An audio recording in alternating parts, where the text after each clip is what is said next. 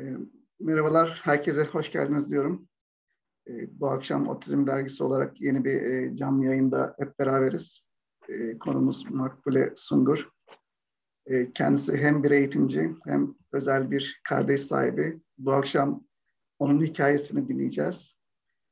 E, Makbule Hanım öncelikle sizi tanıyaraktan başlayalım. Merhabalar, herkese iyi akşamlar diliyorum. Ben Makbule Sungur, 1985 Ankara doğumluyum. Ee, Hacettepe Üniversitesi Çocuk Gelişim ve Eğitimi Bölümü 2008 mezunuyum. Ee, bir dört sene özel eğitimde çalıştıktan sonra Sağlık Bakanlığı'nda çalışıyorum şu anda çocuk gelişim uzmanı olarak. Evliyim, iki çocuğum var. Ee, kardeşim şu anda e, 16 yaşında. Bir otizmli kardeşe sahibim. Ee, iki kardeşiz. Ben tek çocukluğum 20 yaşına kadar. Daha sonra kardeşim oldu. Bu şekilde şu anda Ankara'da yaşıyorum. Ee, o zaman şöyle başlayalım. Ee, çocuk gelişimi bölümüne e, girme sebebiniz neydi öncelikle? Onu bir öğrenmek istiyorum. Evet. Ee, şöyle ben bir şey söylemek istiyorum başlamadan önce. Ondan sonra da sorunuzu cevaplayayım. Ee, e, her yapılan programın bir amacı vardır. Ee, böyle geniş ve herkese açık bir platformda ailemi, ailemin özelini paylaşmamın e, sebebi var. E, birincisi beni dinleyen bir OSB'li birey ailesine yalnız değilmişiz dedirtmek. Beni dinleyen bir OSB'li birey ile çalışan meslek elemanına ailelerin iç dünyasını, duygu durumunu ve yaşadıklarını sergilemek. Beni dinleyen OSB'li kardeşe sahip bireylere kardeşleri için gelişimsel, sosyal, psikolojik, e, destek anlamında neler yapabilir? Bu konuda rehber olabilmek. Beni dinleyen OSB'li yakını olan akraba, eş, dost ve komşulara fark edemedikleri bir bakış açısı kazandırabilmek. Ve beni izleyen ve bir gün bir OSB'li birey ile karşılaşabilecek tüm insanlara bir farkındalık oluşturabilmek adına buradayım. E, bu fırsatı verdiğiniz için çok teşekkür ediyorum sizlere. Biz çok teşekkür Çocuk ederiz. Gelişim, evet, sorunuzu cevaplayayım. Çocuk gelişim bölümünü seçmem eşit ağırlık e, grubundaydım. E, ailem Ankara'da yana tercih yapmamı istedi. Genellikle sınıf öğretmenliği, PDR, e, ve e, Hacettepe Çocuk Gelişimi vardı tercihimde. Zaten hani ideal olarak öğretmenlik hep e, idealimizde olan bir meslek grubu. Bu şekilde tercih yaptım. E, peki o, o dönemler özel gereksinimli çocuklar e, konusundaki fikriniz neydi? Düşün, algınız neydi o dönemlerde? E, şöyle, e, Hacettepe Üniversitesi birinci sınıfta e, özel eğitime giriş dersi var. E, çok değerli hocam Mesut Atay veriyordu o dersi. Ve hep dersinde şunu sorardı. Kimler özel eğitimde çalışmak istiyor diye. E, ben de e, istemezdim. Sınıftan e, 60 kişilik sınıftan bir 10 kişi parmak kaldırırdı. Ve ben hep düşünürdüm. Acaba bir gün bir şey beni özel eğitimde çalışmaya iter mi diye. E, o dönem okul öncesinde çalışmayı düşünüyordum. Kardeşimin doğumuyla özel eğitime yöneldim e, özel eğitim hikayem kardeşimle başladı diyebilirim. E, o zaman yavaştan e, ona gelelim. Kardeşinizin doğumu e, ve ilk teşhis tanı anına kadar ki e, süreç ki nasıl yaşadınız? İlk e, anormalliği fark etmeniz nasıl oldu? Ne şekilde oldu? Evet, paylaşayım. Ee, şöyle, ben 20 yaşındaydım. Üniversite ikinci sınıftaydım. Kardeşim, e, annem 40 yaşında ileri gebelik e, e, sonucunda hep riskli e, takip edilen bir gebelik e, süreci geçirdi annem. E, doğduğunda e, sağlıklıydı. E, zaten birçok otizmli ailede bu şekilde e, olmuştur. E, doğum raporlarında, işte hastane e, incelemelerinde sağlıklı bebek olarak geçmiştir. Fark etmemiz şöyle, annemde hep bir anneler hisseder ya, öyle bir kaygı hep varmış. Hamilelikte tabii hekim tarafından hep tedirgin edildiği için bu kaygı başlamış. Çok paylaşmamış bizle. Açıkçası ben de gençtim. Bu işte hani meslek elemanı olarak okuyordum ama e, tabii hayatım böyle tam e, deli çağları. Çok böyle duygusal anlamda o anlamda anneme destek olabildiğimi düşünmüyorum hamilelik sürecinde. Ee, daha sonra annem birinci ay aşısında e, kardeşim aşı yapıldığında ağlamamış. Annem öyle bir şüphelenmiş demiş hemşireye niye ağlamadı? O da demiş ben hiç canını acıtmadım. Ee, annem de demiş bütün çocukların canı acıyor bizimkinin niye acımıyor? Yani annemin kaygıları hep varmış. Ee, anlaşılması 5. ayında e, göz teması ile ilgili daha doğrusu odaklanarak bakmama ile ilgili bir sıkıntıyla başladı. E, çocuk doktorumuz çok iyi ve ilgili ve çok e, farkındalığı yüksek, dikkatli bir hekimdi. Göz görsün dedi. E, 6. ayında göz yeterli değil, e, bir de nöroloji görsün dedi. Ve o şekilde biz e, Hacettepe'ye takiplerimize başladık. 6. ayında çocuk doktoru tarafından fark edildi diyebilirim kardeşim için. Yani sizin kardeşiniz bayağı erken yaşta o zaman teşhis konmuş. 6 ay Tabii önce. şöyle oldu. Evet yani 6 ayda doktorun ifadesi şu şekilde olmuş. İnşallah ben yanılıyorumdur ama bir 6 aylık çocuk tepkilerini görmüyorum şeklinde. Ee, burada şöyle bir dipnot belirtmek istiyorum. Ben de şu anda Sağlık Bakanlığı'nda çalışıyorum. Ve hani e, erken dönemde tanılanmanın ya da fark edilmenin ya da gelişimde giden e, aksaklıkların fark edilmesinde çok çok çok önemli bir noktada hizmet verdiğimi düşünüyorum. Zaten ailesel bir hassasiyetim olduğu için benim için her bir birey e, önemsenmesi, gelişimi incelenmesi, mutlaka değerlendirilmesi gereken bir birey olarak görürüm.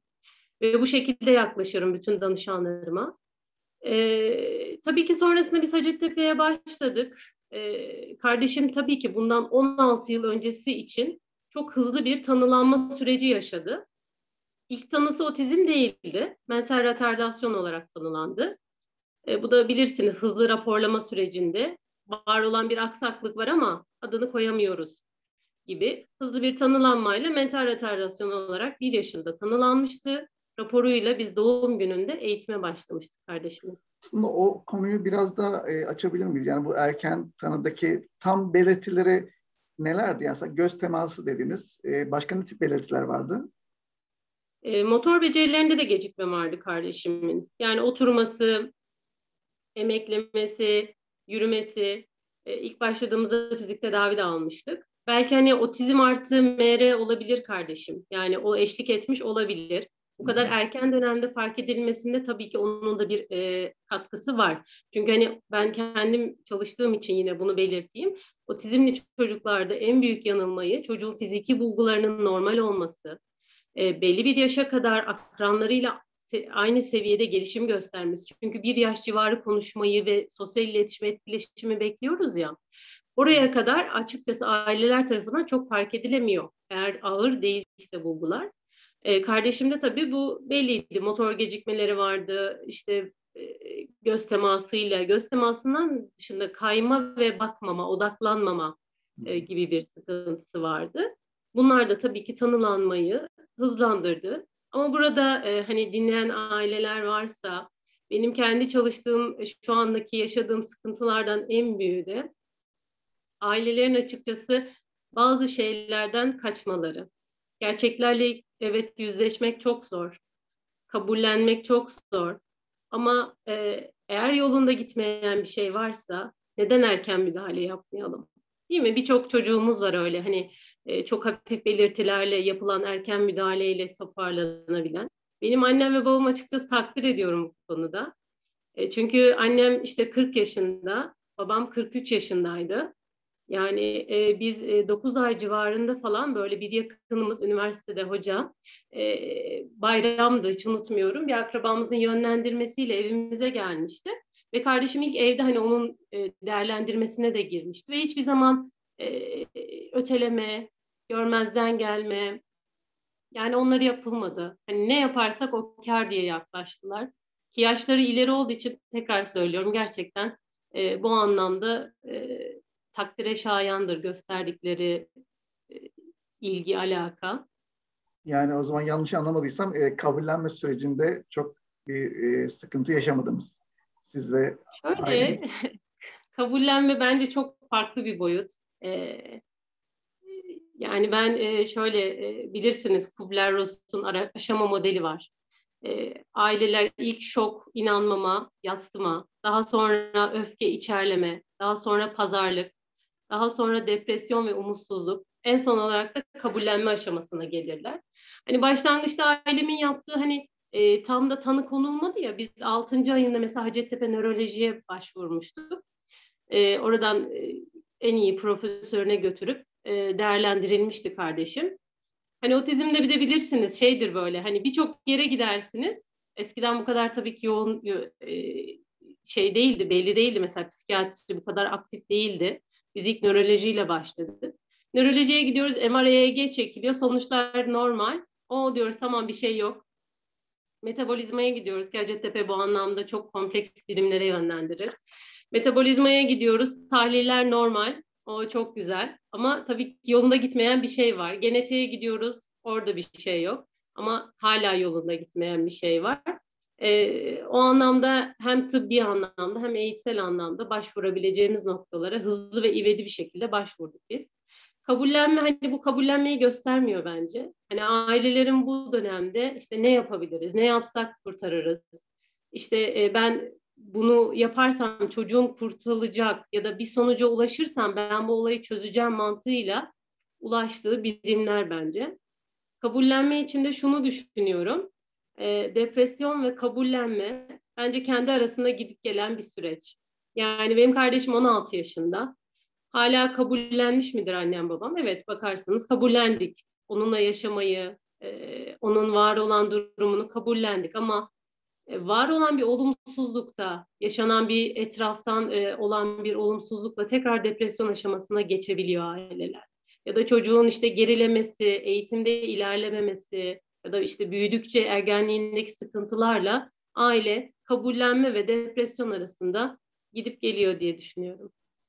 Evet, aslında e, sanırım bu kabullenme sürecinde en önemli şey kabullenmesek bile e, ne yapılması gerekiyorsa ona e, odaklanmak, pes etmemek, hemen kendimizi bırakmamak. E, yani o kabullenememenin belki en kötü etkisi pes etmek oluyor. E, çocuğunuzun bu durumla ile ilgili mücadele etme sabrının e, olmaması belki en kötüsü.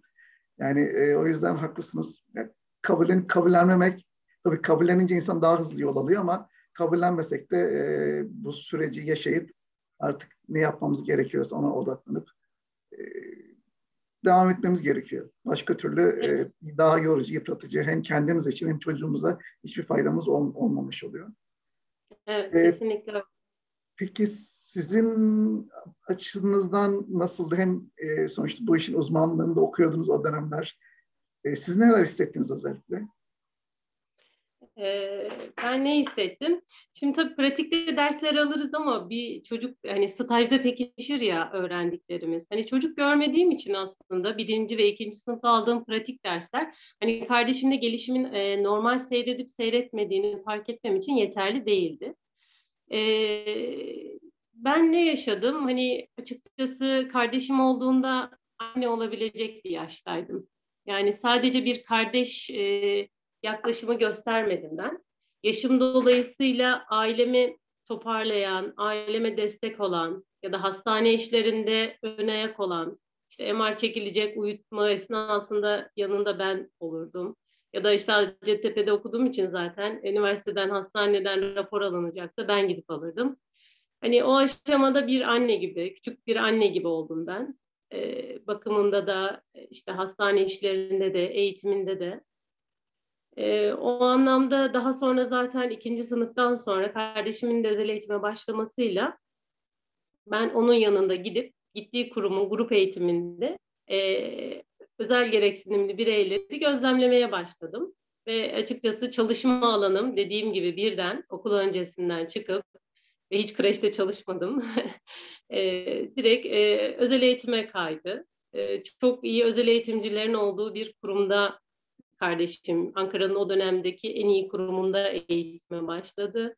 Ve ben e, çok ciddi e, alanda çok e, uzman olan ve eğitimlerine güvendiğim, performanslarına, başarılarına güvendiğim birçok e, arkadaşımı da, daha sonra çünkü arkadaş olduk hepsiyle e, ve eşim de benim o kurumda çalışıyordu. E, kardeşim dolayısıyla tanışıp e, evlendik.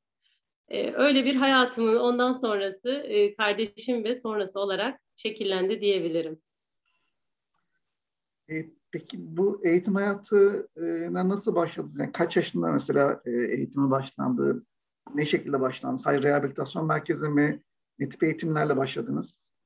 Evet, dediğim gibi bir yaşında, yani çok erken bir dönemde kardeşim özel eğitime başladı. Motor becerilerdeki gecikmesinden dolayı aynı zamanda fizik tedavi de aldı. E, bu şekilde e, hem bireysel özel eğitim hem de e, fizik tedavi olarak ilerledi. 3-4 yaştan sonra grup eğitimi, e, daha sonra okul öncesi dönemde önce bir e, özel kreşte, daha sonra milli eğitime bağlı bir kreşte kaynaştırma öğrencisi olarak devam etti. Ama ilkokul ve sonrası için tamamen o çemde yer aldı. E, şimdi de o şekilde devam ediyor. E, lise döneminde. Eğitimi bu şekilde devam etti. Babam pes etmedi. Bir gün bile eğitime götürmediğini, hani pandemi sürecinde bu aksadı. Korktukları için sürekli elini her yere değip temas ettiği için açıkçası en çok aksattıkları dönem bu dönem oldu. Onun dışında babam e, asker emeklisi ayrıca. E, çok rutinlerine bağlı ve düzenli bir insandı. E, kardeşimin eğitimini hiç aksatmadı. Çok e, yüksek ilerlemeler göstermese de mesela hala konuşma yok, birkaç kelime var. Ama hiçbir zaman pes etmedi. Bence bir e, genç e, belki bu kadar istikrarlı davranamazdı. Diyorum ya onların hani... Daha mı fazla ilgiliydi eğitimiyle? kardeşinizin? Yani hep o götürdü. Bir dönem ben anneme refakatçi oluyordum babam çalıştığı için. Emekli olduktan sonra tamamen babam götürüp getirdi. Annem biraz koptu o dönemde o götürüp getirdiği için.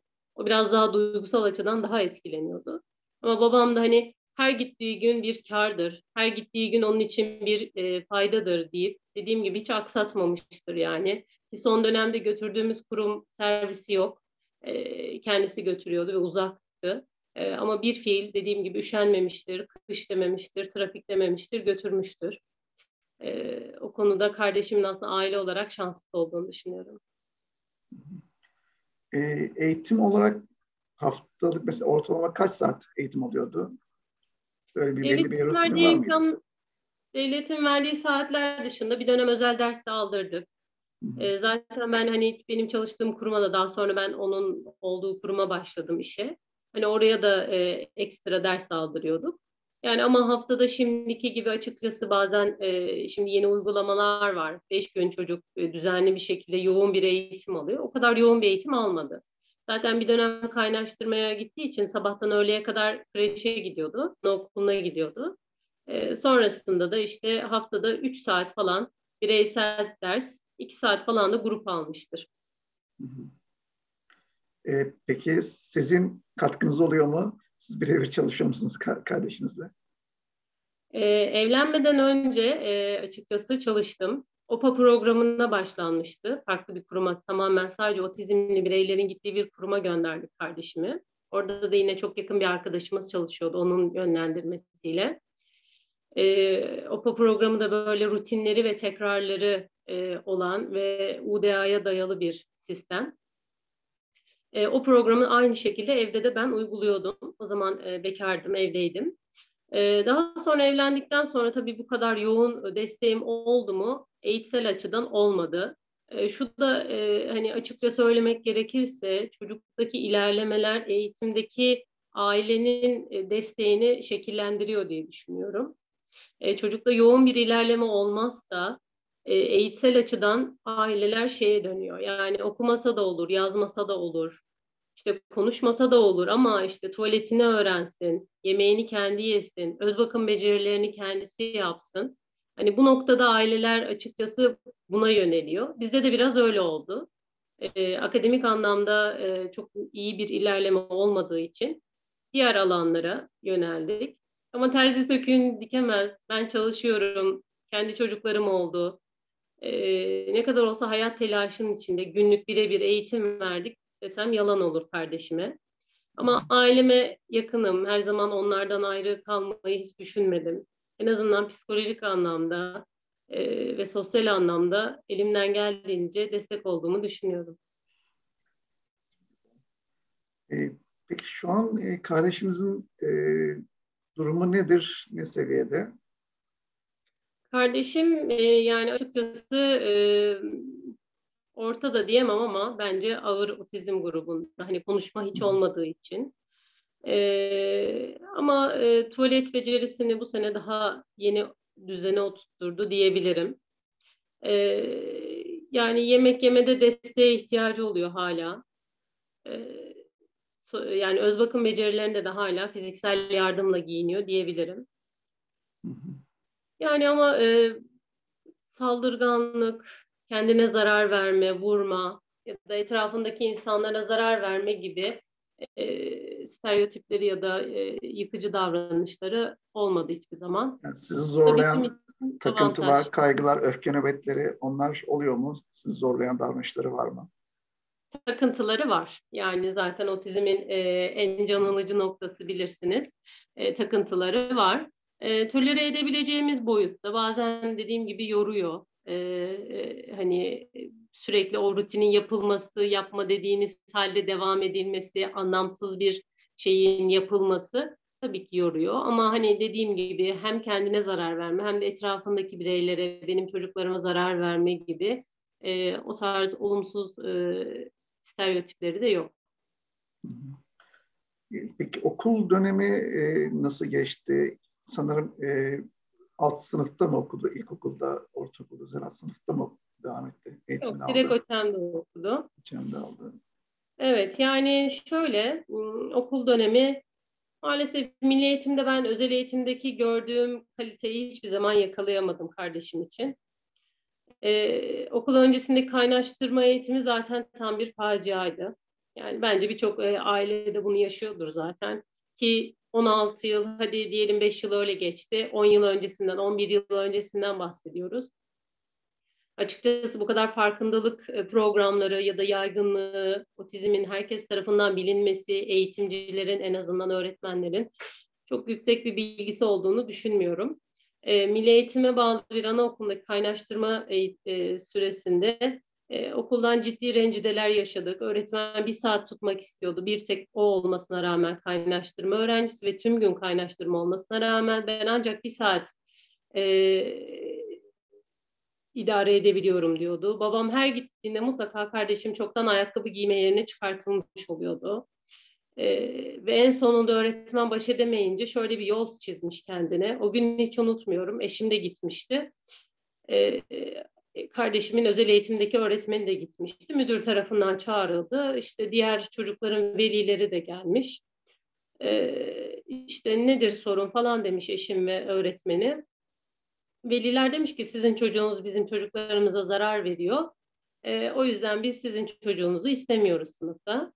E, işte öğretmen demiş Ahmet böyle bir şey yapmaz. E, eşim demiş kesinlikle zarar verme davranışı yok. Siz nereden gördünüz zarar verdiğinizi çocuklarınıza? İşte eve geldiğinizde bir darp mı gördünüz? Ne, nereden anladınız? Bir tane veli dayanamayıp şey demiş. Ya aslında biz hiçbir şey görmedik. Ee, öğretmen dedi ki bakın böyle bir çocuk var. Ben o çocuktan dolayı sizin çocuklarınızla ilgilenemiyorum. Ee, en iyisi siz gidin müdüre şikayet edin sizin şikayetinizi daha çok dikkate alır diye. Hani o gün öğretmen şikayet edildi, hakkında soruşturma açıldı ama okulun, idarenin çözümü kardeşimi başka bir öğretmene vermek oldu. Bilirsiniz kolay çözümler seçilir. Öğretmen de sanırım bir uyarı cezası aldı sonucunda. Ama bunun e, hani aileye yaptığı tahribat korkunç ve üzücü e, hani olmayan bir şey için hani olsa ve kontrol anlamındaki biz her zaman şeydik. Her zaman e, okul toplantılarına bakın biz de bu işin içindeyiz. Çözemediğiniz zaman e, çocukla ilgili ulaşamadığınız bir e, çözümsüzlük olursa biz hep paralel gitmeye önerdik. Çünkü bu çok önemli. Bir çocuğa uygulanan yöntem evde de aynı olmalı, okulda da aynı olmalı, işte kaynaştırmada da aynı olmalı, özel eğitimde de aynı olmalı. Bu e, farklılaştığı zaman zaten o düzen bozuluyor ve işlevsel olmuyor eğitim süreci. E, biz bu anlamda e, çok e, açıkçası uğraşlar verdik ama diyorum ya milli eğitimde bu e, başarıyı e, sağlayamadık. Denk gelen öğretmenlerle ilgili olabilir. Kimseyi burada e, yargılamak istemem. Ama eğer burada sınıf öğretmenliği adayı varsa mesela bizi dinleyen ya da işte okul öncesi öğretmeni varsa e, lütfen hani anlamadan yani yetemiyor olabilir, bu konuda bilgisi olmayabilir ki pedagoji eğitimi almış bir insan mutlaka üniversitede hiç de olmasa belirtilerini, özelliklerini bu çocukların mutlaka duyuyordur.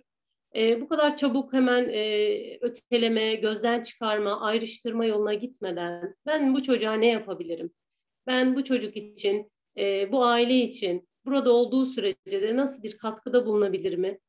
Benimsediği ve önemsediği derecede fayda olmayacak diye düşünmüyorum. Mesela şu anda kardeşimin öğretmeni ücretli öğretmen. Şu anda tam branşını bilmiyorum ama kardeşime öyle bir sevgi gösterdik ki gerçekten kardeşim konuşamıyor. Öğretmenin adı Çağatay. Belki dinliyordur burada. Biz ona çiğ çiğ diyor.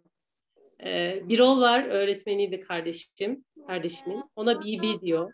Abi der, abla der. Zaten kullandığı baba kelimeler bunlar. Hani o sevgiyle o çocuklara dokunulduğu zaman e, ben açıkçası e, hiçbir şey görmese bile öğretmen, e, hiçbir ilerleme kaydetmese bile o çocuk onu kendisinin sevildiğini biliyor ve o şekilde e, yaklaşıyor diye düşünüyorum.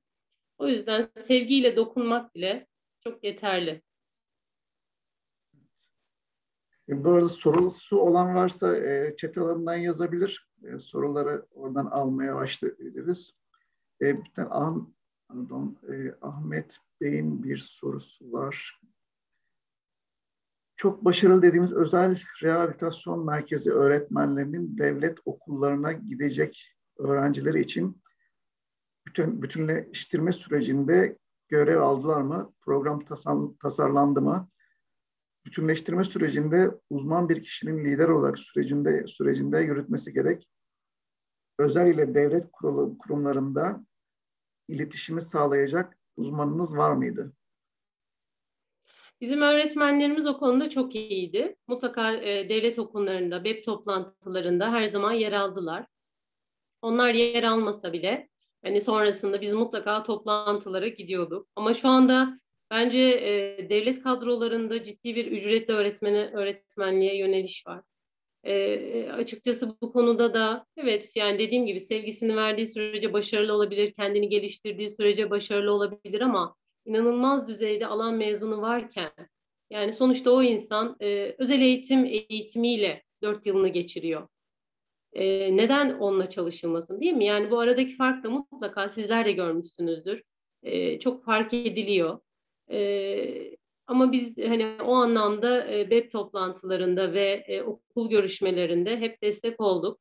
Ama işte e, siz bilseniz bile ya da özel eğitimdeki iyi bir öğretmeni götürseniz bile hani ben okul toplantılarında çok şahit oldum. E, böyle çok e, gerçekten karşınızda sizin bildiğiniz yöntem ve teknikleri anlayamayacak düzeyde kişilerle karşılaşabiliyorsunuz. Yani o zaman sizin özel eğitim profesyonelinde ya da kendinizi de götürmenizin de çok bir anlamı olmuyor. Çünkü anlatabildikleriniz karşınızdakinin anlayabildiği kadardır. E, bu anlamda da e, her zaman e, söylediğimizi yürütebilen, o kararlılığı ve tutarlılığı gösterebilen her zaman o tarz öğretmenlerle de karşılaşamadık. Ee, Hafize Hanım, hocam yanılmıyorsam artık alan mezunu olmayanların ücretli öğretmen olabilmeleri önlendi demiş. Ee, Arzu Hanım, benim oğlum da OÇEM öğrencisi. İnanın ki bana otizm ne diye soran öğretmenlerle karşılaştım maalesef. Kardeşimin e, müdürü, annemler şimdi çok ısrar ettiler bir toplantı için. OÇEM'e gidiyordu o zaman da kardeşim. İşte gelin bir e, tuvalet eğitimi için özellikle. Şimdi evde farklı bir tutum, okulda farklı bir tutum gösterildiği zaman e, çocukta inanılmaz bir kargaşa oluşuyor ve bizim o, o dönemdeki kilit noktamız tuvalet eğitimiydi. Çünkü bir anne için çocuğun yaşı da ilerlediği zaman tuvalet çok bir e, çok önemli bir problem haline geliyor. Sosyal alanı etkiliyor, gidebil gitmek istemiyorsunuz kimsenin evine ya da dışarıya çünkü problem oluyor. Bizim onu odok noktamız oydu. Ve bunun için e, ailem bizi de ısrarla götürdü. E, gittik. E, dediğim gibi o sırada biz toplantı yaparken okulun müdürü geldi. Bunu da hiç unutmuyorum ve her zaman da söylüyorum. E, e, müdür birden girdi içeriye bir şeyler söyledi. Sonra şey demişti. Ahmet bağırıyor ya. Niye bağırıyor? Sürekli bir bağırıyor. İşte servisten iniyor bağırıyor. Şurada bağırıyor. Niye ya falan yaptı bize. Benim için toplantı orada bitmişti. E, ve çok büyük bir hayal kırıklığıyla döndüm.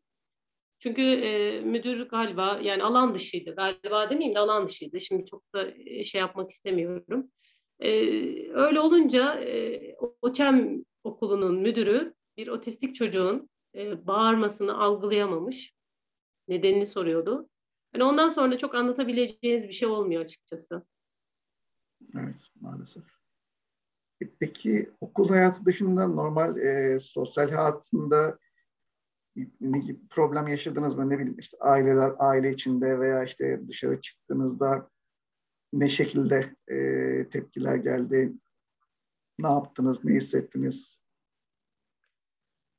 Yani diyorum ya e, olumsuzluğu, olumsuzluklar mı fazladır, olumluluklar mı? Bunu en çok annemle babam bilir. E, açıkçası e, burada beni dinleyen aileler varsa şunu da belirtmek isterim. Evet kardeşim olduğunda anne olabilecek bir yaştaydım. E, Birçok şeyi onlarla ben de yaşadım. Bir evin küçük çocuğu gibi kardeşime yakın yaşta bir kardeş gibi bir durumum olmadı. Kardeşimi kıskanma lüksüm hiç olmadı. Hep ona ne yapabilirim, nasıl yardımcı olabilirim, bu konudaki fikrim nedir, hep bu bantta ilerledim. Ee, çok acımasız açıkçası e, yaklaşımlar oluyor maalesef. Ee, olumsuzluklar yaşadık, ötelenmeler yaşadık, sokakta dönüp bakmalar, markette işte bağırdığı zaman bu çocuk niye bağırıyor ya bunu sustursunlar diyenler. Ee, oldu, işte okulda oldu. Hepinizin yaşadığı benzer sıkıntıları yaşadık. E, burada aileleri tekrardan üzmek istemiyorum. E, bunların tahribatı bir anne ve baba için bence çok büyük. E, hani burada diyorum ya anne olabilecek yaştaydım ama annemle aynı şeyleri yaşadım dersem anneme haksızlık etmiş olurum. Çünkü annelik kendim de anne olduktan sonra çok başka bir boyut. Yani belki şu buradan diyorum ya hani belki bir otizmliyle hiç karşılaşmamış insanlar da dinleyebilir bu yayını sonrasında. O bakış var ya o itici bakış hiç görmemiş. Belki görmemiştir evet ilk defa bir otizmli bireyin öfke nöbetiyle karşılaşıyordur. İşte bağırmasıyla ya da 20 yaşındadır market arabasının içine oturtulmuştur. Yani çok itici bir bakış atmayın. Yani o insanları rencide edecek, Hani madem böyle bu çocuk niye dışarı çıkarttın hissini oluşturacak bakış atmayın. Görmezden gelin. E, dikkatinizi vermeyin. Hele de anormal cümleler kurup aileleri iyice rencide etmeyin. Yani bu bence bilinmesi gereken en önemli, empati kurulması gereken en önemli nokta diye düşünüyorum. E, çünkü benim ailem mesela kardeşimin başını yoldan geçen biri okşadığı zaman ya da bir komşumuz, bir akrabamız e, kardeşime ılımlı tavır gösterdiği zaman inanılmaz motive oluyorlar. Yani onlara dünyaları falan bağışlamanıza gerek yok. E, bir şey yapmanıza da gerek yok. Herkes kendi düzeninde ilerliyor bir şekilde ama yani bilmiyorum belki dediğim gibi hani buradan çok farklı kişiler dinleyecek belki bizi. Otizmli bir e, yakınınız varsa ailelerin en çok istediği şey destek olunması. Ama maddi değil manevi. Yani işte deyin ki çok bunaldıysan gel bir çay içelim, gel bir kahve içelim, ee, işte gel evimize oturalım. Ee, kimseyi de üzmek istemiyorum ama anlatması bile çok yoran şeyler.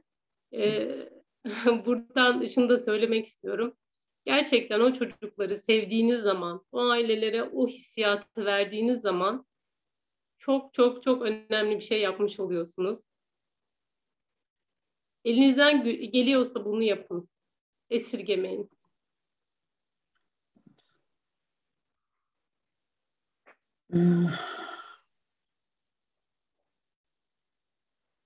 Tuğba Hanım'ın bir sorusu var. Ee, özel eğitimde genel çerçevesi itibariyle iki farklı yaklaşım var. Biri UDA isimli, daha otoriter bir yaklaşım.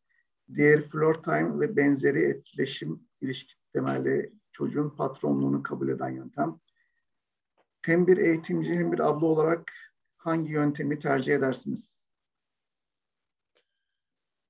Ben işte geçen sene itibariyle Anadolu Üniversitesi'nde otizm spektrum bozukluğu yüksek lisans programımı tamamladım. Ee, birçoğunuz biliyordur Profesör e, Doktor İbrahim Diken e, tarafından yürütülen, tasarlanmış bir program. E, nasip oldu. Ben de girdim, tamamladım. E, çok güzel bilgiler öğrendim. Kardeşim genelde UDA temelli yaklaşımlarla eğitim aldı. E, ama hani İbrahim hocamın da e, daha çok benimsediği diyeyim, yanlış söylemeyeyim. Çünkü bütün e, bilimsel yöntemleri kendisi destekliyor. E, ama erken yaşta özellikle tanılanan çocuklar için ben de bir çocuk gelişim uzmanı olarak oyun temelli, etkileşim temelli, çocuğun doğal ortamında, özellikle ev ortamında. Çünkü hani söyledik ya haftada 3 saat özel eğitime gidebiliyor. İşte 2 saat e, kaynaştırma grup eğitimine gidebiliyor ya da yarım gün anaokuluna gidebiliyor. Ama günün saat kısmına vurursak bu çocuk en çok ailesiyle vakit geçiriyor. Ve böyle olunca aileyi eğitmek, aile temelli yaklaşımlarda bulunmak, ETEÇOM gibi e, etkileşim temelli ve ailenin yönlendirilmesini e, benimseyen programlar e, üzerinde yürümek e, daha işlevsel geliyor. Ya da artık şu anda en çok benimsenen programlar mesela multidisipliner yaklaşımlar. Yani bir çocukla sadece bir alan uzmanı çalışmıyor. Ergoterapisti çalışıyor, çocuk gelişim uzmanı da çalışıyor, oyun terapisti de çalışıyor. İşte UDA temelli yaklaşımlar da yapılıyor. Yani zaten her çocuk bir bireydir. Ee, ben e, hastanede bir dokümanım var. Onun başına yazarım 0-2 yaş gelişimi ailelere not verdim. Onun başında hep şu yazar. E, her çocuk bir bireydir. Çocuklarınızı başka çocuklarla e, gelişimleriyle özellikle birebir kıyaslamayınız diye. Çünkü her çocuk bir bireydir. Her otizmli birey de bir bireydir. Gerçekten hepsinin gelişimi, otizm spektrum zaten bir yelpaze demek. Otizmde böyle bir yetersizlik. E, her yer, her çocuğun özelliği farklı. O yüzden çocuk temel alınarak, onun bireysel performansı temel alınarak e, doğru yaklaşımın tercih edilmesini tercih edilmesinden yöneyim. Bu UDA'da olur içinde tabii ki UDA çok bilimsel temeli, çok eskilere dayanan, e, çok da genel geçer bir yöntem. Ama UDA'yı da alırsınız, e, oyun temelli yaklaşımları da alırsınız, etkileşim önerirsiniz. Çocuğu hani masa başında önüne iki materyal koyarak hani çok despot e, uygulamalar dışında şu anda ağırlıklı olarak gördüğüm doğal ortamda özellikle mesela eğitim ortamını da bir ev ortamı gibi düzenleyip e, çocuğa sanki ev ortamındaymış gibi bir e, hava verip o sıcaklığı yakalayıp çocuğu doğal ortamda e, eğitim verilmesini daha çok benimsiyorum. Ee, peki sizin hem e, bir eğitimci gözüyle hem de bu e, durumu yaşayan birisi olarak ailelere e, ailelerin bu konuda yaptığı en büyük hatalar nelerdir? Yani çocukların eğitimiyle ilgili en sık yapılan hatalar nelerdir? Ne, ne önerirsiniz onlara? Şimdi şöyle çalıştığım birimle ilgili başlayayım. Şimdi mesela biz genel anlamda gelişim taraması yapıyoruz. Yani aslında her do yeni doğana böyle bir projeyi de bakanlığa sundum ama bir yanıt alamadım açıkçası. Ee, ben her yeni doğanın nasıl artık işitme tarama bir rutinse e, ya da göz muayenesi kalça ultrasonu mutlaka yapılıyorsa, yapılmadığında o çocuk aile hekiminden uyarı alıyorsa sistemsel olarak e, açıkçası bir altı ayında da çocuk gelişimi, e, çocuk gelişim uzmanı tarafından bir gelişimsel tarama yapılması taraftarıyım. Çünkü erken dönemde hani otizm olmasın, genel gelişim geriliği olsun, e, tespit edilmesi ve ailelerin yönlendirilmesi için çok can alıcı bir nokta olduğunu düşünüyorum. Ailelere şöyle kendi çalıştığım birim açısından mesela biz e, gelişim taramasında riskli gördüğümüz e, çocukları tanı koyan bir birim değiliz biz. E, çalıştığımız doktorlarla alakalı psikiyatri ve nöroloji yok bizim hastanemizde e, tanı koyan bir birim değiliz. Ama hani mesleki tecrübe benim zaten yaşanmış bir tecrübem var. Hani az çok o çocuktan ne çıkabileceğini e, görebiliyoruz. Aileye bunu söylemesek bile ve yönlendiriyoruz. Ya da ailelere şöyle bir açık kapı bırakıyoruz. Dediğim gibi benim için her gelen çocuk e, çok önemlidir. Gelişimi hani e, yazımda da yazmıştım. Desteklenmeyen çocuk milli servete bir ihanettir düşüncesindeyim. Gerçekten böyle çünkü. E, o anda müdahale etmezseniz çünkü o devlete belki ileride özel eğitim alacak ve o anlamda da bir e, yük ve sorumluluğu artarak devam edecek. Ailelerden şunu istiyorum. Mesela araştırmalar şunu gösteriyor. Anne kaygısı e, çocukların var olan yetersizliği ile ilgili doğru orantılı. Yani anne bir, bir anne çocuğunda herhangi bir şeyin yolunda gitmediğinde ilgili bir kaygı yaşıyorsa bu doğru çıkıyor. Ya da siz yönlendirildiniz, herhangi yoluna gitmeyen bir durum var. Mutlaka bir uzmana ulaşın. Bu çocuk gelişim uzmanı olabilir. E, ağırlıklı olarak aslında ilk değerlendirme için bir çocuk gelişim uzmanı yeterli olabilir. Mutlaka ulaşsınlar.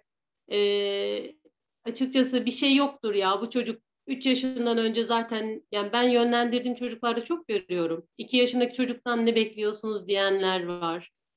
5 yaşına kadar konuşmasa da normal olur diyenler var. Bunlar açıkçası bazen ailelerin de kaçış noktası olabiliyor. Yani mutlaka üstüne gitsinler, çocuklarını değerlendirsinler. Erken dönemde tanılama ve eğitsel desteğin başlaması çok kıymetli. Şimdi kardeşim mesela ağır dedim ben. Yani eğitimden belki de çok yüzde yüz fayda alamadık. Yani konuşma işte ya da akademik başarı anlamında. Ama geçen annemle de bu konuyu konuşmuştuk. Ee, biz belki hani görmediğimiz şeylerde hayırda şer, şerde hayır var deriz ya. Hani kardeşim belki ilerlemedi gibi geliyor ama belki de bu kadar yoğun eğitime başlamasıyla bu derecede. Belki çok daha ağır, daha farklı durumlar olacaktı. Hani belki eğitimle bu durumda ya da herhangi bir saldırganlığı zarar verme davranışı yok. Yani o yüzden ailelere önerim mutlaka evet çok zor bir süreç. Evet kabullenilmesi bir anne için çok zor bir durum, baba için, aile için. Ama düşünsünler ki ne kadar erken müdahale çocuklarına o kadar başarı. Kaçmasınlar, gitsinler, e, mutlaka değerlendirme alsınlar. Mesela biz şey diyoruz işte üniteye geliyor. Belki çocukta e, tanılı alacak bir durum yok ama gelişimsel açıdan risk altında çocuk. Geride kalan becerileri var. Önerilerde bulunuyoruz mesela. Ben diyorum ki aileye bunları yap, bir ay sonra tekrar gel. Bakalım işe yaradı mı söylediğimiz şeyler? Siz uygulayabildiniz mi? Çocuğunuzda nasıl bir ilerleme oldu? Gelin danışın. Mesela söyleyin ki hocam işte ben bunu yaptım, yapamadım, yaptım işe yaramadı. Başka ne önerirsiniz diye gelin. Yani bunu her hastaya söylüyorum. Ve gerçekten geri dönen hasta sayısı çok az. Yani biz devlet kurumuyuz. Ücret almıyoruz. Hiçbir maddi beklentimiz yok. Böyle bir açık kapıda hizmet. Annem hep şey der. Yani bize söylendi ve biz hemen müdahaleye başladık. Hemen kabul ettik. Kim ne dediyse yapmaya, uygulamaya çalıştık. Ki benim annem babam ileri yaşan 40-45 yaştan bahsediyoruz. Hani onlar yapabiliyorsa bence herkes de yapabilir. Yeter ki istesin aileler. Yani aslında her çocuk öğrenir. Kimisi yavaş, kimi, kimisi hızlı. Ee, önemli olan e, orada doğru eğitimin uygulanması, istikrarlı bir şekilde, sürekli bir şekilde o doğru eğitimin uygulanması. Ee, Kesinlikle. Zaten mutlaka az çok onun karşılığını e, alıyoruz. E, peki, e, yani genelde bizler mesela eğitimcilerle çalışırken eğitimcilerden işte e, bilgi alıyoruz. İşte şunu evde şu şekilde uygulayacaksın, şunları yapacaksınız şeklinde. Ama diğer taraftan düş, e, bizim en büyük problemimiz genelleştirmede. Bazı mesela e, eğitimcilerle birebir çalışırken çocuklarımız o problem davranışları genelde göstermiyor. E, ve onun yanında çoğu söylenenleri yapıyor ama evde bizlerle beraber olduğu zaman e, biz aynı kontrolü, aynı istikrarı sağlayamıyoruz. Yani genelleştirmekte biraz zorluk çekiyoruz. Bu, bu bakış açısıyla sizin hem uzman hem e, bu işin içinde yaşayan birisi olarak eğitimcilere önereceğiniz bir şeyler var mı? Evet çok önemli Ailelere nasıl yaklaşmaları lazım yani? Bizim bizi empati kurmaları anlamında ne öneriyorsunuz? Değil mi? Evet. Empati e, bazen sözlerde çok kalıyor hocam. Yani empatiyi gerçekten gerçekleştirebilsek belki birçok sorunu çözebileceğiz. Geçen bir eğitim aldım yine. E, orada hocam şöyle söyledi. Ben her bir aileyi çok önemsiyorum. Çünkü ben 100 aile görebilirim. Bu benim için de geçerli. 100 hasta görebilirim. Benim için o 100 hastadan e, herhangi birisidir. Ama o aile için bir çocuğu var. Onun için söylediklerim çok önemli.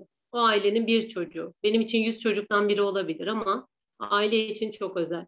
Eğitimciler açısından da şöyle, e, dediğim gibi o model aslında böyle çok baştan başlayıp e, daha sonrasında mesela e, ayrıntılı değerlendirmeye gidip ayrıntılı değerlendirmeden raporlandıktan sonra çocuk işte eğitim raporu çıktıktan sonra e, çok evet otizm eylem planı var ama ne kadar uygulandığı ülkemizde tartışılır. Her şey bizim ülkemizde biraz mış gibi. O yüzden de uygulamada çok büyük aksaklıklar olduğunu düşünüyorum. Dediğiniz gibi mesela e, e, Yok. Şeyden eğitmenler olsa, ev ortamı görülse ya da özel eğitimler içinde öğretmenler gelip ev düzenlemesini yapsa ya da bunun için bir grup öğretmen belirlense, ailenin evdeki uygulamalarını birebir gözlemlese, ee, ki onu... ailenin özel eğitim uygulamalarını birebir izlemesini istiyorum. Çünkü, çünkü sözel olarak e, bunu çok e, ünitemde de yaparım. Yani oyunu nasıl oynandığını göstermek lazım aileye. Her zaman sözel olarak anlattığınızda onu doğru bir noktada ifade edemiyorsunuz ya da ailenin gözünde o canlanmıyor. O yüzden bireysel eğitimi izlemeli, o eğitimin ev ortamında nasıl yapılacağını belki de değil mi? Çok güzel bir uygulama olur aslında. Yani bu evde nasıl çalışılabilir? Tabii ki evde bir otorite boşluğu oluyor. Öğretmen otoritesi asla ev ortamında olmaz. Çünkü ne yapıyoruz? Ee, çok net kural koysak da o an annenin işi varsa, çok yoğunsa ya da o an krizi çözemediyse telefon vermeyeceğim diyor. Ama beş dakika sonra o krizi çözemediği için telefonu veriyor. Ne yapıyoruz? Bir istikrar sağlayamıyoruz. O zaman da çocuk açık arıyor ve o boşluktan da otorite boşluğu ile ilgili eğitimsel sıkıntılar çıkıyor. Yani öğretmenler ev ortamını ziyaret edebilir aslında. Ne kadar e, aileye hani bu devlet öğretmeni de olsa, özel eğitim öğretmeni de olsa yapan kurumlar vardır illaki ama genellenme açısından söylüyorum. E, gidilse, o ortam görülse, evde de şöyle çalışabilirsiniz, bakın şurayı bu şekilde düzenleyelim e, bizim uyguladığımız bu yöntemi evde şu şekilde uygulayabilirsiniz diye karşılıklı bir iletişim olsa e, eğitimdeki ilerlemeler de çok hızlı olur diye düşünüyorum. E, öğretmenler açısından da e, açıkçası şöyle, e, çok okuyan mı bilir, çok gezen mi bilir diyorlar ya, e, otizmi bence en iyi yaşayan bilir. E, o yüzden de e, öğretmenleri de bazen şey yapamıyorum. Yani evet empati yeteneği yüksekse ya da o duygusal bağı yakalamışsa belki çok şey yapabilir ama e, yaşamadığı bir süreci kitabi bilgilerle yönetmek de bazen e, açıkçası istediğimiz gibi e, gitmeyebilir. E, kendilerini geliştirip ailenin yaşadıklarını e, hissedebilirlerse bunu bence eğitimlerine de aileyle olan diyaloglarına da yansıtırlar. Ben bu sene yine böyle bir programa Giresun Üniversitesi için katıldım. Oradaki akademisyen arkadaşım öğrencilerine otizm farkındalığını e, eğitim vererek değil de e, çocukları ailelerle buluşturursak e, onları yaşayan insanların tecrübeleriyle daha güzel bir farkındalık oluştururuz diye düşünmüşler. Hakikaten bu konuda otizmi en iyi yaşayan bilir. Evet. Yani gerçekten iletişim çok önemli bu noktada. Ee, dediğiniz gibi e, bu öğretmenlerin biraz daha ailelerin e, yaşadığı ortamı bilmeleri, ço- çocuğun ev içindeki davranışlarını görmeleri e, çok önemli. E, bazı rehabilitasyon merkezleri veya kurumlar e, dediğiniz gibi yapıyor, ev ziyaretleri yapıyorlar. Ev ortamında çocuğu gözlemliyorlar. Veya işte video ile e, ailelerin çektikleri videolarla gözlemliyorlar. Bu bence de olmazsa olmaz bir şart. E, iletişim çok önemli. Bütün zaten otizm sadece tek bir özel eğitimciyle olmuyor. İşin içinde psikiyatrist var, işte duyu bütünleme var, spor var. Her birisinin, her eğitimcinin kendi aralarında e, koordineli olması lazım. Bütünsel bir şekilde yaklaşmak lazım. O noktada iletişimi gerçekten sağlam olması gerekiyor. Burada da sanırım belki ebeveynlere en büyük görev düşüyor. Ebeveynlerin biraz bilinçli olması lazım ki e, bu kişileri doğru bir şekilde yönlendirsin. Do çocuğuyla ilgili doğru geri bildirim versin ki onlar da ona ona göre yönlendirme sağlasınlar. Evet. Umarım olur. Umarım bu, bu zihniyette eğitimciler artar inşallah.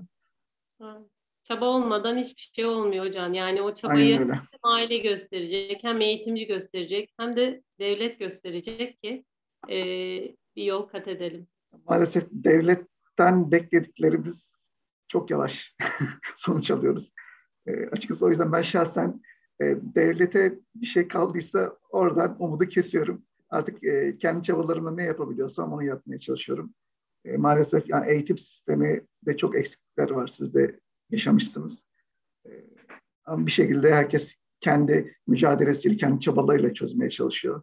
O konuda ne yazık bizler yalnızız. Bir şekilde sıkıntıları çekiyoruz. Yani hep bizim en büyük duamız Allah bizleri doğru insanlarla karşılaştırsın, doğru eğitimcilerle karşılaştırsın. E, öyle olduğu zaman çok güzel ilerliyoruz. E, iler, çocuklarımızda da ilerleme oluyor. Ama e, olumsuz, e, negatif kişilerle karşılaştığımız zaman da bu hem bizi hem de çocuklarımızı e, maalesef olumsuz etkiliyor. Her meslek severek yapılır ama özel eğitimde çalışıyorsanız bu işe gerçekten gönül evet. vermeniz gerekir. Bu iş öyle e, kitapta okulan terimleri uygulayayım öyle olmaz. E, açıkçası ben anne olduktan sonra e, ailelere verdiğim öneriler konusunda kesinlikle empati geliştirdiğimi düşünüyorum. Mesela çocuğu olmayan eğitimciyle çocuğu olan eğitimci çok farklıdır. Diğeri yaşamadığı için bunu böyle yapacaksınız. Karar sizin hatanız, siz yapamıyorsunuz gibi ahkam keserken çocuğu olan bilir ki bu boşluklar oluşuyor. Ev ortamında bunlar e, mutlaka görülüyor. O yüzden daha ılımlı yaklaşır. E, yaşamak çok önemli. Evet. Nuray Hanım'ın bir sorusu var. Atipik otizmli oğlum jimnastiğe yazdıracaktım. Oğlum konuşuyor sadece iletişim problemi var ama jimnastik hocası kabul etmedi.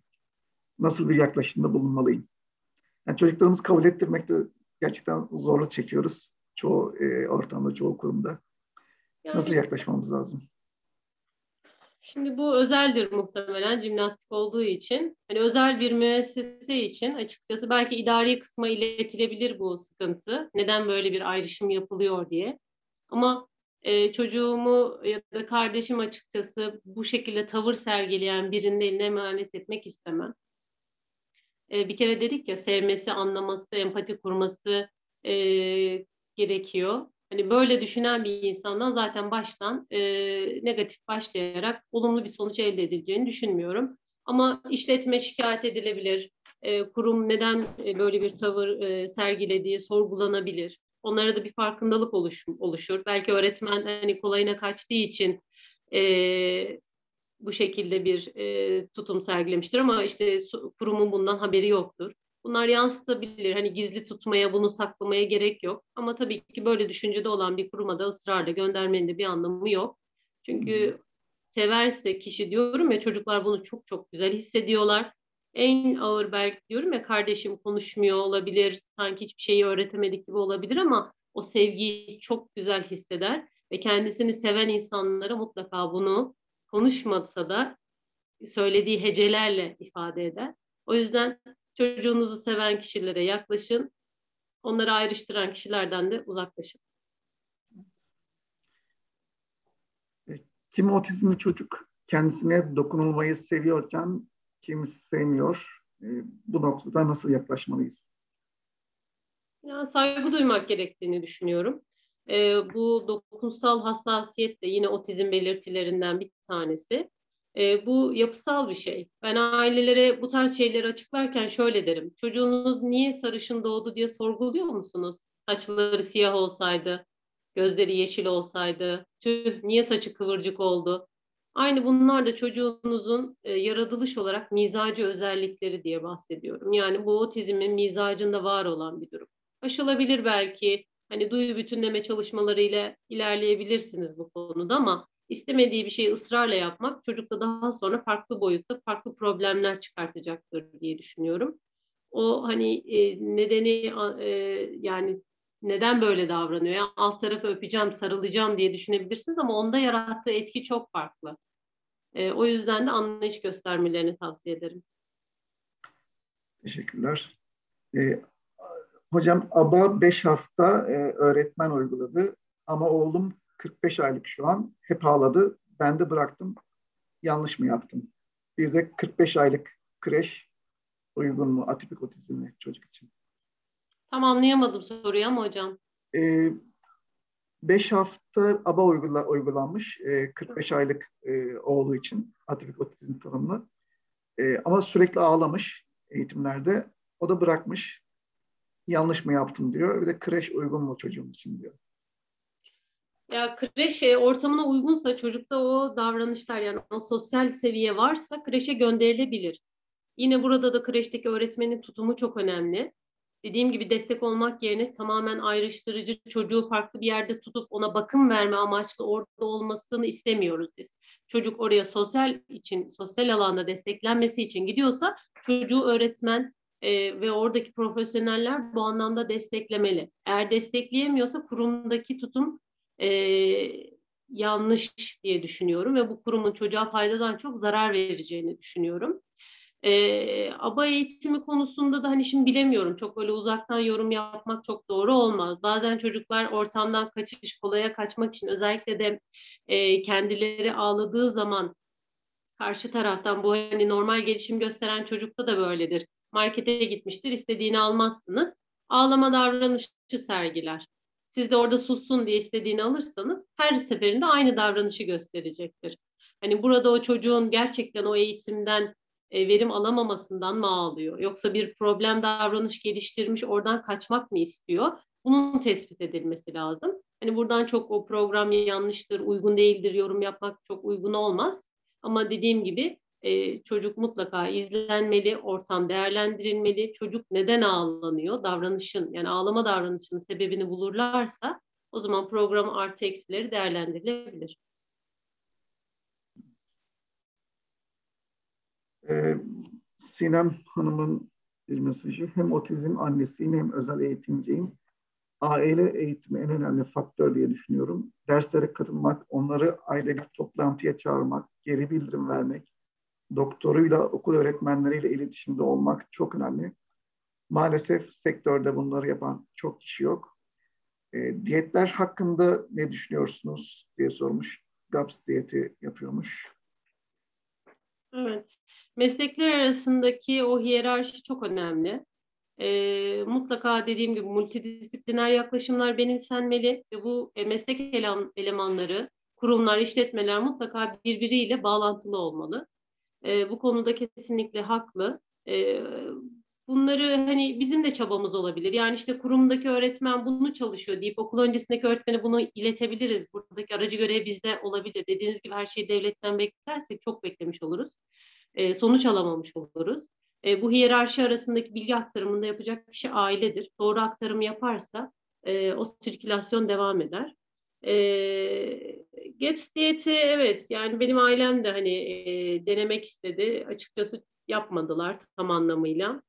E, ya ben şöyle düşünüyorum. E, otizm ortadan tabii ki kaldırmaz. Belki e, işte nasıl hareketliliğini artırıyorsa ya da mesela bir çocuk çikolata yer, enerji veren şeyler yer. E de, de paketli gıdalarda mesela onu çok görüyoruz. Çocuk bir anda hareketleniyor, evin içinde zıplamalar, kontrolsüz davranışlar yapmaya başlıyor. Beslenme evet düzeltilebilir. Çocuğun e, sağlıklı bir şekilde hayatını sürme, sürdürmesi için bile düzeltilebilir. Çünkü bazı çocuklarda yemeğe aşırı düşkünlük olabiliyor. Ne kadar duysal hassasiyet anlamında otizmli çocuklar e, bazı yiyeceklere karşı seçici olabildiği gibi aşırı yeme de olabilir. Bu anlamda düzenli bir beslenme çocuğun işte aşırı kilo almasını, aşırı hareketliliğini, yaşam kalitesini, beden kitle indeksini etkileyeceği için dikkat edilebilir. Ama otizmi tamamen ortadan kaldırır gibi e, açıkçası çok büyük vaatler, zaten bilimsel dayanağı çok net olmayan uygulamalar e, deneyebilirsiniz. Ama dediğim gibi amaç otizmi ortadan kaldırmak değil, belki otizmdeki işte e, belirtileri hafifletmek olabilir. Evet, e, Sinem Hanım iki yıldır uyguluyormuş e, ve faydasını görmüşler. Ee, Ahmet... aile faydasını görüyorsa devam edebilir. Yani bu evet. çocuktan çocuğa yine değişebilecek bir durum. Ee, çocuğun e, yani o belki çok dediğim gibi beslenme kaynaklı aşırı hareketli hareketliliği, dürtüsel davranışları e, varsa e, bunları engelleyebilir ama dediğim gibi otizmi tamamen ortadan keşke öyle bir şey olsa. Herkes yapsa bu diyeti. ama e, bu kadar kesin bir çözüm olduğunu düşünmüyorum. Evet. E, Ahmet Karaca ve e, özel eğitim, eğitim öğretmeni olarak yolunuz hep aydınlık olsun. Sizleri dinlemek çok değerli bizler için. Demiş. E, Hanım, benim oğlum 12 yaşında ve hep böyle masa başı eğitim aldık. Ama son yıllarda gördüm ki karşılıklı etkileşimden bahsediliyor. Derslerimiz disiplinli ve ağlayarak geçerdi. E, şimdi gördükçe yanlış mı yaptık diyorum. Davranış problemi olarak önümüze kondu hep ilerlemedi. E, iler, ilerlemedi mi ilerledi ve çok iyi durumda diyebilirim. Üstelik bu eğitimleri alanda uzman kişilerden aldık. Yanlış mı yaptık acaba demiş. Herhalde Yok, etkili. yani öyle değil. Ee, tekrar söylüyorum her çocuk bir birey. Zaten BEP'in açılımı nedir? Bireysel eğitim planı. Gerçekten o çocuğa uygun yapılırsa o eğitim planı e, çalışma şeklinizi evet etkileyebilir ama hedefler doğruysa, çalışma yöntemi doğruysa, çocukta da ilerleme varsa yanlış bir yolda değilsinizdir. Bir de bilim öyle bir şey ki açıkçası her yeni gün yeni bir yöntem, yeni bir tutum ekleniyor. Evet benim kardeşim de aynen dediğiniz gibi ben çalışırken de hep masa başı işte e, bir etkinliği koy, e, onu orada masa başında e, düzgün bir şekilde oturma için kontrol et. Daha sonra farklı bir etkinliğe geç. Ama bunlar tabii ki bilimin değişmesiyle, bulunan yeni tekniklerle kendini revize eden durumlar. Şimdi biraz daha doğal yaklaşıma yönelildi. Ama şunu da unutmayalım ki otizmin artık farkındalığı ve görülme oranı çok fazla. 54'te 1'e kadar düştü. Ve çok küçük gruptaki çocuklar yakalanabiliyor. Tabii ki siz mesela 6 yaşında başlayan çocuğu belki masa başı çalışma davranışlarını kazanması açısından daha davranışsal bir yaklaşımla başlatabilirsiniz. Ama 2 yaşında otizm riskinde olan bir çocuğu anlatabiliyor muyum? Oyun ortamı daha cazip. Ev ortamı gibi doğal uygulamalar daha cazip. Yani bunlar da e, otizmin yaygınlığının artmasıyla, tanılanma yaşındaki düşmeyle bunlarla da doğru orantılıdır. E, o yüzden de e, bilim dediğimiz şey her gün kendini yenileyen, kendi hazinesine e, yeni bilgiler ekleyen bir e, durum. E, yanlış yaptık mı diye düşünmeyin. Keşkeleri düşünürsek hayatımızda bence hep o noktaya takılırız. Keşke şu olsaydı, keşke bu olsaydı. Yapabildiğimin en iyisini yaptım. Çocuğum için elimden geleni yaptım. Gelebileceği seviye buydu. Bundan sonrası için daha iyi olur gibi olumlu düşünceler aileleri de rahatlatacaktır. Hep geçmişin hatalarını düşünmek günün sabrını azalttığı için bence o noktada aileler ileriye bakmalı, anı yaşamalı. Teşekkürler. Ee, sizin kardeşiniz de şu an 16 yaşında e, ergen. E, yetişkin ve ergen e, otizmli çocuklarla ilgili e, ne önerirsiniz, ne tavsiye edersiniz ailelere onların gelişimiyle ilgili nelere dikkat etmeleri lazım? Yani şimdi ben hani e, artık hani e, eğitimde çalışmadığım için kardeşimden başka bir e, yetişkin otizmliyle rastlaşmıyorum. kardeşim açısından değerlendirdiğim zaman mesela ben annemle babamda şunu görüyorum. İleri yaş çocuğu olması ve annemle babamın yaşından dolayı kardeşim biraz teknolojik boyuttan uzak kaldı. Mesela şu anda kullandığı tek teknolojik ürün televizyon. Ve seviyor. Müzik dinlemeyi de seviyor. Ee, ama mesela zamanında e, bir e, işte tablete alıştırma, belki bir müzik dinleme için bir e, müzik aletine alıştırma ya da işte kulaklığa alıştırma. Mesela ben şimdi deniyorum. Kesinlikle kabul etmiyor kulaklığı, taktırmıyor duysal hassasiyetinden dolayı. Ama zamanında belki böyle e, şeyler olsaydı, hani şimdi gençler hepimizin elinde akıllı telefonlar, çocuklar nasıl haşır neşir? Her şeyi biliyorlar, bir yetişkin gibi kullanabiliyorlar. Yani zamanında sunulan teknoloji de e, açıkçası e, alıştırıyor. Yani ona alışıyor. Nasıl şimdi benim kardeşim kendisi sevdiği müzik kanallarını bulabiliyor. Televizyonu açıp kumandadan istediği müzik kanalını bulabilir. Hani bu tarz şeyler alıştırıldığı zaman e, çocuklar kazanabilir diye düşünüyorum. Ergenliğin boyutu evet farklı e, e, fizyolojik süreçlerin de devreye girmesiyle aileleri zorlayan bir durum. Zaten kendi içinde ergenlik büyük bir e, problem, normal gelişimde problemli bir dönem olduğu gibi otizmde de daha hırçınlaşma. Mesela kardeşimde o var. Daha bir inatçılık, engellendiği ve bastırıldığı zaman daha hırçın hareketler gösterme ve o konuda ısrar etme var. Aileler belki bu anlamda e, bu dönemde ki her dönemde almalı da e, psikolojik destek almalı diye düşünüyorum. Ama ülkemizde maalesef bu da çok eksik. Yani paranız varsa bir psikolojik destek alabilirsiniz ama devlet kurumlarında böyle bir psikolojik destek maalesef yok. Yani gideyim de ben bu psikologla bir terapi yapayım. Yani benim gördüğüm pek yok. Biz hiç öyle bir hizmet alamadık devletten. Varsa da çok spesifik, idealist kişiler yapıyordur diye düşünüyorum.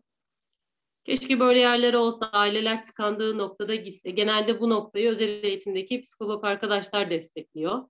Özel eğitim kurumları aileleri destekle, desteklemek adına böyle hizmetler veriyor ama devlet bünyesinde e, böyle birimler yok. Genelde psikiyatriye gittiğinde de ailelere işte ilaç yaklaşımı oluyor. Hani dinleme, e, duygularını ifade etme, anlaşılma. En çok istediğimiz şey o değil mi? Anlaşılmak. Aslında nasihat istemiyoruz, öneri de istemiyoruz. Sadece ben seni anlıyorum. Hani senin yaşadığını algılayabiliyorumu istiyor insanlar aslında bir şey anlatırken. Nasihat istemiyor, öğüt istemiyor. Ee, bunu keşke yapabilen devlet kurumları olsa. Çünkü ülkedeki herkesin böyle özel yerlerden destek alma gücü yok. Ee, otizm zaten siz de bilirsiniz zengin hastalığı deniyor ya. Ee, ailelerin çocuklarını her seferinde böyle saatlerce ders aldıracak, sürekli o eğitimden başka bir eğitime götürecek, e, farklı yöntemleri deneyecek imkanı yok. Herkes bu, bu e, gelir seviyesinde değil. Keşke bunların hepsi devlet tarafından sosyal destek anlamında sağlansa. Olur inşallah. Yani evet, aslında evet, önemli bir noktaya e, değindiniz. Yani bizlerin aslında devlet e, destek olarak belki çocuklara e, ayda 8 saat e, eğitim desteği veriyor. Biz de özellikle onların eğitimlerine odaklanıyoruz ama bu sefer kendimizi ihmal ediyoruz. Aslında en, en büyük sıkıntıyı belki e, biz çekiyoruz. O zaten bu tarının verdiği e, durum, depresyon, e, motivasyon, ondan sonra bunlar bizi yıpratıyor ama biz bir şekilde çocuğumuza odaklandığımız şey, onun koşturmacısına odaklandığımız için kendimizi ihmal ediyoruz. Bu da bizim psikolojimizi daha fazla olumsuz etkiliyor. Öyle olduğu zaman doğal olarak bu e, dolaylı da olsa çocuklarımızı da etkiliyor. Maalesef dediğiniz gibi böyle bir e, terapi, öncelikle bizim kendimizi e, motive etmemiz lazım, kendi psikolojimizi ayakta tutmamız lazım ki çocuklarımıza daha faydalı olalım. Ama e, onu e, ne yazık ki bulamıyoruz. Çoğu aile bunun, bunun öneminin farkında değil. E, bir destek almıyor, destek alma e, ihtiyacı belki hissetmiyor. E, o yüzden maalesef ailelerin e, durumu pek iyi değil. Bu da e, çocukların eğitimlerine de olumsuz yansıyor, yansıtıyor. E, keşke devlet bunu desteklese dediğiniz gibi. E, ama ondan da mahrumuz. Artık herkes kendi imkanları çerçevesinde e, kendini ve çocuğu desteklemeye çalışıyor. Bu işin maddi... STK'lar bu anlamda destek olabilir. Yani dernekler keşke hani böyle platformların artması açıkçası hani dedim ya burada belki e, anlattıklarım yaşayan aileler için e, duyduğu şeyler ama e, emin olun şu bile yetiyor. Ya yalnız değilmişiz. Tek biz bu ötelemeyi yaşamamışız. Bizden işte başkaları da varmış. Eğitimci olsa da aynı süreci yaşamış. E, çok da farklı değilmişizi duymak bile yetiyor. Keşke böyle sosyal ortamlar oluşturulsa. Ben annem ve babam için de bunu çok iyi, e, çok istedim. E, çünkü e, diyorum ya yaşamayanın bilmeyeceği bir süreç. Benim babam sizde otursa mesela e, birçok şeyde e, konuşabilir ki özel eğitim kurumları yine bu anlamda da ailelerin kendilerini sosyal olarak işte çocuğunu güvenle bir yere bırakıyor. Çocuk orada hem eğitim alıyor ama aileler de aynı zamanda kendileriyle aynı şeyleri yaşayan e, ailelerle dertleşiyor, sohbet ediyor, paylaşım yapıyor. Bizde de şöyleydi, bizde de böyleydi. Hani bunlar da çok şey. Pandemi dönemi maalesef en çok bu noktada e, özel gereksinimli birey ailelerini vurdu. Ne kadar sokağa çıkma yasağında öncelik tanınsa da boş sokaklar aileler için bir anlam ifade etmiyor. E, açık cezaevleri onlar için boş sokaklar. E, o yüzden e, belki dedim ya hep farklı kişilere hitap etmek bugünkü amacım ulaşmak. E, yani işte otizmli birey e, ailelerinin komşuları mesela destek olun. Yani bir çaya kahveye çağırın gel bir dertleşelim ya bugün ne oldu? Biraz seni üzgün gördüm deyin. İşte akrabanızda varsa e, kendi derdinizi unutun. Bir günde ona faydada bulunun. Yani herkesin derdi kendine eminim. Otizmli bireyi belki farklı bir kronik hastalığı olan aileyi çok iyi anlayamaz. kronik hastalığı olan birini, maddi geçim sıkıntısı yaşayan biri pek anlayamaz. Yani herkesin derdi kendine özel ve büyüktür ama önemli olan destek olmaksa, herkes elinden gelen bir şeyleri yaparsa, çünkü dediğiniz gibi devletten beklediğimiz sürece hep beklemek konumunda kalırız.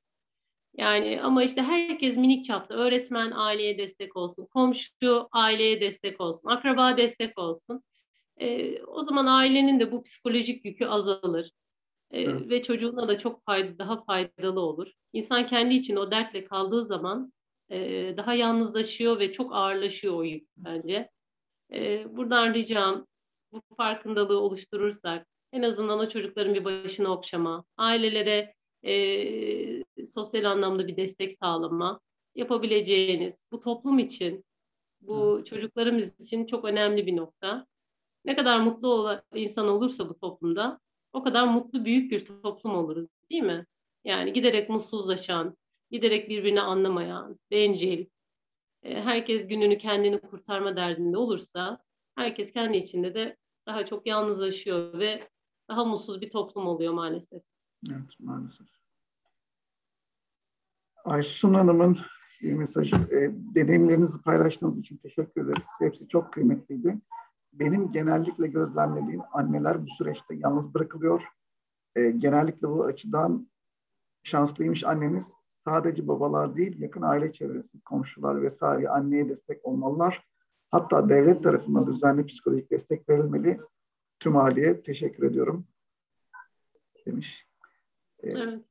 Gerçekten Doğru. öyle. Biraz babaların daha fazla e, bu işin içine girmeleri gerekiyor. E, annelere daha fazla destek olmaları gerekiyor. E, bir araştırma sizde... söylüyordu ya, e, beyinde annelik hormonu var ama babalık hormonu yok diye bir araştırma yapılmıştı. Annelik gerçekten çok farklı bir boyut. Duygusal açıdan da tabii ki kadınların ve erkeklerin duygusal farklılığı düşünürse annenin yaşadığı süreç çok daha farklı olabiliyor. E, o duygusal yoğunluk annenin e, yaptığı rutini de etkileyebiliyor. Ve annelerin şu konuda da yalnız kaldığını düşünüyorum. E, özellikle erken dönemde çocuğundaki farklılığı fark ediyor anne. İşte komşunun çocuğunda görüyor, kendi diğer çocuklarıyla kıyaslıyor, o farklılığı hissediyor. Eşine söylüyor, ama sen de çok vesvesecisin, çocuğun hiçbir şeyi yok, ne arıyorsun? İşte belki kardeşine söylüyor, işte e, abla sen de abartıyorsun çocukta hiçbir şey yok. Komşusuna söylüyor destek göremiyor. İşte kayınvalide kayınbaba siz bu çocuğu sürekli e, inceletiyorsunuz. Bu çocukta bir şey yok diye öteleyebiliyor. Anne o anlamda da yalnız kalıyor. Özellikle tanılama sürecinde genelde annelerde de yoğun bir çaba olup e, etrafındaki kişilere o hissettiklerini, çocuğunda yolunda gitmeyen şeyleri e, anlatabilmek için Hani bir de o anlamda çaba sarf ediyor. Zaten çocuğun o durumundan müzdarip, zaten mutsuz. Bir de etrafındaki insanları ikna etmeye çalışıyor. Düşünsenize yani ne kadar büyük bir yük. Eşine ise ısrar ediyor. Gidelim, götürelim, araştıralım. Evet tam aksi durumlar da olabilir ama yoğunluk ve yayılıma bakarsanız genelde bu şekilde. Anneler bu anlamda da duygu olarak bastırılıyor diye düşünüyorum. Aslında bizim belki aile kültürümüzden de kaynaklanıyor. E, genelde çocukların sorumluluğu öncelikli olarak anneye düşer gibi bir algı var. Babalar biraz daha e, işin dışarı taraf tarafında işte çalışıyorlar, ekmek parası kazanmaya çalışıyorlar. İşte çoğu baba yoğun bir şekilde çalışıyor, geç saatte eve geliyor. E, dolayısıyla çocuğuyla ilgilenme belki ilgilenemeyecek e, motivasyona sahip değil. Yani bu tarz sebeplerden dolayı biraz daha babalar e, bu konuda pasif oluyor. Bir de e, özel gereksinimli bir çocuk olduğu zaman tabii bu daha da fazla artıyor. Ama e, yani burada benim de nacizane tavsiyem e, babalar başın içinde mutlaka olması lazım. Bu hem onların kabullenmelerini de kolaylaştırıyor. E, çünkü e, o çocuğun e, durumunu bilmey, bilmeyince sadece akşamdan akşama görmek, yaşamak maalesef yeterli değil. E, bir şekilde daha fazla görüp gerekiyorsa işte müsait olduğu zaman hafta sonları veya işte e, izinlerde e, mutlaka çocuğunu alıp rehabilitasyona, derse o götürebilir, o ortamı görebilir, öğretmenleriyle görüşebilir, onlarla iletişim içinde olabilir. E, bunları mutlaka yapmalı diye düşünüyorum. En azından Kesinlikle. bu şekilde. E, hem anneye destek. Aynen öyle. Hem, hem anneye çocuğun destek. gelişimini öğrenme açısından bir Aynen destek. Öyle. Hem e, babanın bu dünyaya girmesi için bir destek. Ama gerçekten kabullenmede bunu başaramayan var babalarımız. Benim bir öğrencim vardı Anne yalvarıyordu 3-4 yıldır özel eğitim aldığı halde getirememişti babayı. Hocam not yazın, hocam telefon arayın. Bir de bir siz çağırın. Belki sizi dinler, belki gelir. Ama hani istemeyince yaptıramadığınız bir nokta. Kesinlikle anneye hem maddi hem manevi bir destektir babanın eğitimdeki rolü. Ee, mesela benim babam bu kadar destek olmasaydı annem bu süreci belki çok daha fazla zorlanırdı. Belki ben daha büyük bir yük altına girerdim. Evlendikten sonra diyorum yani o anlamda çok bir desteğim olmamıştır aileme. Ee, ama babam bu şekilde destek olmasaydı anneme çok büyük bir yük binerdi. O yüzden eşler e, inşallah evet zor bir süreç ama e, kimseden fayda yoksa bakın e, bari birbirinize destek olun. Aynen. Bir başka şey de var. Ee, anneler mesela kendi aralarında da e, görüşüyorlar, dertleşiyorlar, paylaşıyorlar. Özellikle rehabilitasyon merkezlerinin bulunduğu ortamlar bunlar için ideal. Ama babalar için böyle bir ortam yok. babalar birbirlerini tanımıyorlar, görmüyorlar. Yani e, o tarz aktiviteler de yapabilir. Yapılabilir. Aslında bu yine benim e, rehabilitasyon merkezlerine önerim. Yani genelde ayda bir böyle aile buluşmaları, anneler genelde sık sık birbirleriyle mutlaka görüşüyorlar farklı ortamlarda.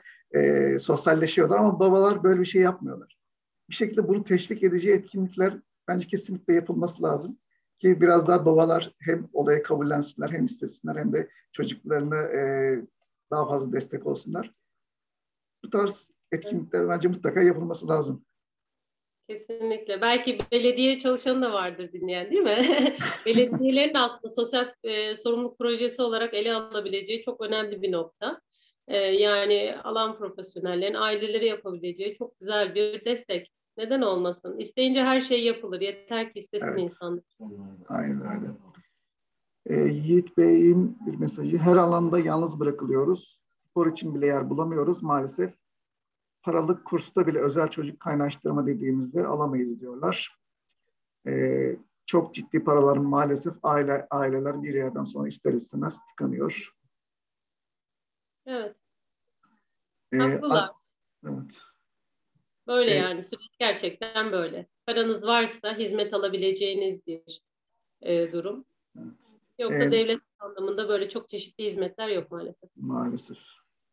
Ee, Nuray Hanım'ın bir sorusu. Otizm çocuklarda sünnet için uygun zaman ne olmalı diye sormuş. Ee, yani 2-6 yaş arası sünnet normal gelişimsel e, gösteren çocuklarda önerilmiyor. Ee, dönem olarak 2-6 yaşı önermiyoruz. Otizmli bireyde hani bu süreçte ayırmamak gerekir. Zaten hani e, anestezi altında uygulanacaktır. Normal bir e, durum değildir. Eğer iki yaş altında bebek küçükken fark edemeyeceği bir durumdaysa ki daha da bir buçuk yaşın altına da inilebilir bu süre e, yapılabilir ama zaten büyüdüğü zaman durması açısından, kontrolü açısından anestezi altında yapılacaktır. E, o korku ve kaygının oluşturulmaması için düşünsenize sarılmaya bile hassasiyeti olan bir çocuk için sünnet büyük bir travma olabilir e, bu göz önüne alınarak e, anestezi altında yapılması daha uygun diye düşünüyorum. Ya da çok bebekken. E, son olarak Aysun Hanım'ın mesajını okuyayım. Annenin de kendine zaman ayırmaya hakkı var. Bu atlanmamalı. Bu sağlandığında yenilenen anne daha verimli olacaktır çocuğu için. Aksi takdirde yanlış tutumlar da artabiliyor. Bu çocuklar hepimizin çocukları. Herkes bu süreci paylaşırsa her şey kolaylaşacaktır. Ortak nokta aynı. Burada işte ben Makbule konuşayım. Gelsin Ayşe anlattın. Annemi dinleyelim. E, farklı bir çocuğun annesini evet. dinleyelim. Ortak nokta hep aynıdır. Hep anlaşılmak istiyoruz. Odak noktamız bu olsun. Etrafımızdakiler de buna destek olsun. Bence bayağı bir yol kat ederiz. Ee, çok teşekkürler Makbule Hanım. Ee, çok değerli bilgiler verdiniz. Bizimle hikayenizi paylaştınız. Ee, eminim katılımcılarımız için de çok faydalı olmuştur. İnşallah. çok teşekkürler. Evet. Ee, sizinle tanıştığımıza da memnun oldum. İnşallah e, başka eğitimlerde tekrardan görüşürüz. tekrardan. İnşallah. Ben teşekkür ederim. Ee, bana bu fırsatı verdiğiniz için. Dediğim gibi e, bu kadar özel bir ilgiyi ailemle olan belli bir noktada biraz zorlandım. Çünkü duygusallığı atlamak bu noktada çok e, e, despot bir yaklaşım olur açıkçası. Yaşayanın bileceği bir süreçte anlat yani yaşadıklarımızı anlatmak kolay değil. Ama buradaki e, amacım dediğim gibi kim dinliyorsa kendi için ne faydayı alırsa onu sağlamaktı. Otizmle ilgili bir farkındalık oluşturabildiysem, ailelere yalnız değilmiş hissettirebilmişsem, e, meslek elemanlarına bir fikir verebilmişsem, e, ne mutlu bana. E, sürçülisan ettiysem affola. Çok teşekkür ederim hepinize. Çok teşekkürler hocam verdiğiniz bilgiler için. İyi akşamlar. katılımcılığınıza da katıldıkları için çok teşekkür ediyorum. Ee, inşallah bir sonraki e, yayınımızda tekrardan görüşmek dileğiyle. Herkese iyi akşamlar. İyi akşamlar.